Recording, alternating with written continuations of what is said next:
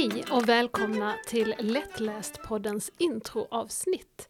Vi kände att vi ville presentera oss själva och varför vi gör den här podden lite närmre innan vi kör igång på riktigt. Jajamän. Så hej Linnea! Hej hej! Du är ju redaktör på Hegas förlag som ger ut lättlästa böcker för barn och unga. Eh, du har varit här i fem år nu och är väl vad vi skulle säga vår seniora redaktör. Ja. Eh, helt enkelt den vi eh, går till med alla möjliga och omöjliga frågor som vi själva inte kan svara på. Ja men så är det. Ja. Och ganska ofta så fastnar man ju i manus och känner att man behöver ett öga till och då är det dig man helst väljer. Ja, tack. Mm.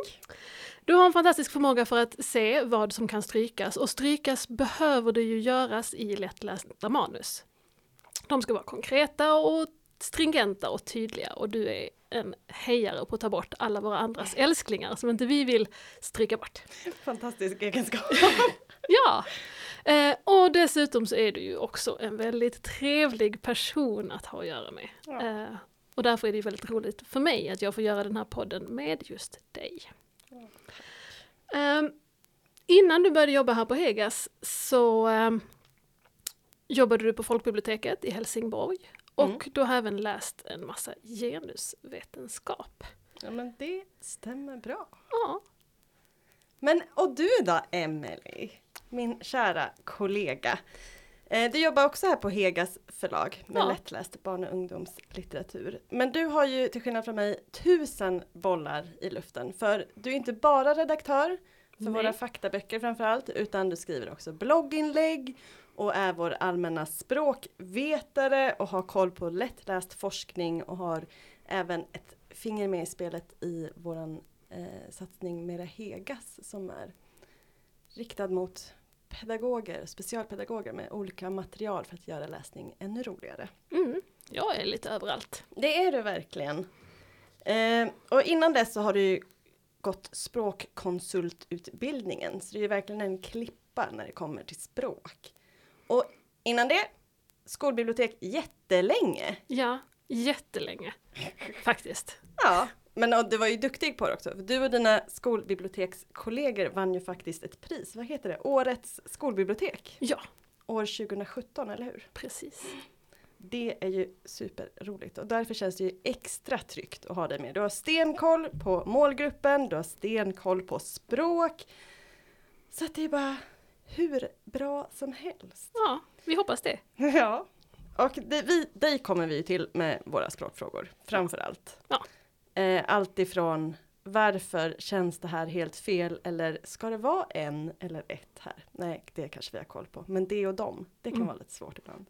Fortfarande. Ja, så är det.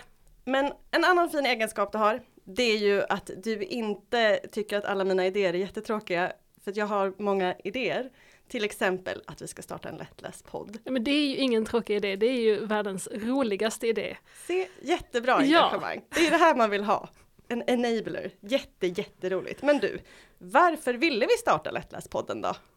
Jo, men det pratas ju väldigt mycket om läsning. Varför barn inte läser och vilka böcker de borde läsa. Eh, och lättläst är ganska ofta rätt osynligt i den debatten. Och det tycker vi är tråkigt eftersom vi jobbar med lättläst och vet hur viktigt det är med lättläst. Så vi hoppas ju att vi med den här podden ska kunna fördjupa och kanske bredda kompetensen lite om lättläst eh, hos de som skulle behöva jobba med lättläst lite mer. Mm.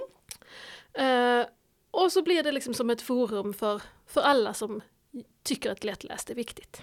Ja, det känns roligt. Och så tycker vi att podd är ett kul format. Vi ville skapa något som var lite lättillgängligt och lite lustfyllt. Eh, och så gillar ju både du och jag att prata. Det gör vi ofta och mycket. Eh, och då kändes ju podd helt perfekt. För som Linnea sa, jag skriver ju väldigt mycket redan i vår blogg. Och det här var ett sätt att kanske lyfta samma ämnen, eller åtminstone delvis samma ämnen, fast på ett annat, kanske lite lättillgängligare sätt. Ehm, så varför inte prata om det? Kan man skriva om det så lika bra att babbla på också. Ja, men det Tänkte tycker jag. Verkligen. Eh, och det vi tänker kanske framför allt, du, du som lyssnar är skolbibliotekarie eller pedagog eller folkbibliotekarie.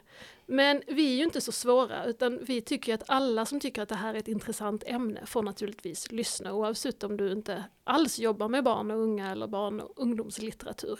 För lättläst är ett viktigt ämne som vi tycker bör lyftas på många sätt. Men verkligen. Och därför vill vi också prata lättläst ur ett så brett perspektiv som möjligt med så många olika vinklar vi bara kan komma på. Vi jobbar ju båda på Hega som är ett lättläst förlag för barn och unga som sagt.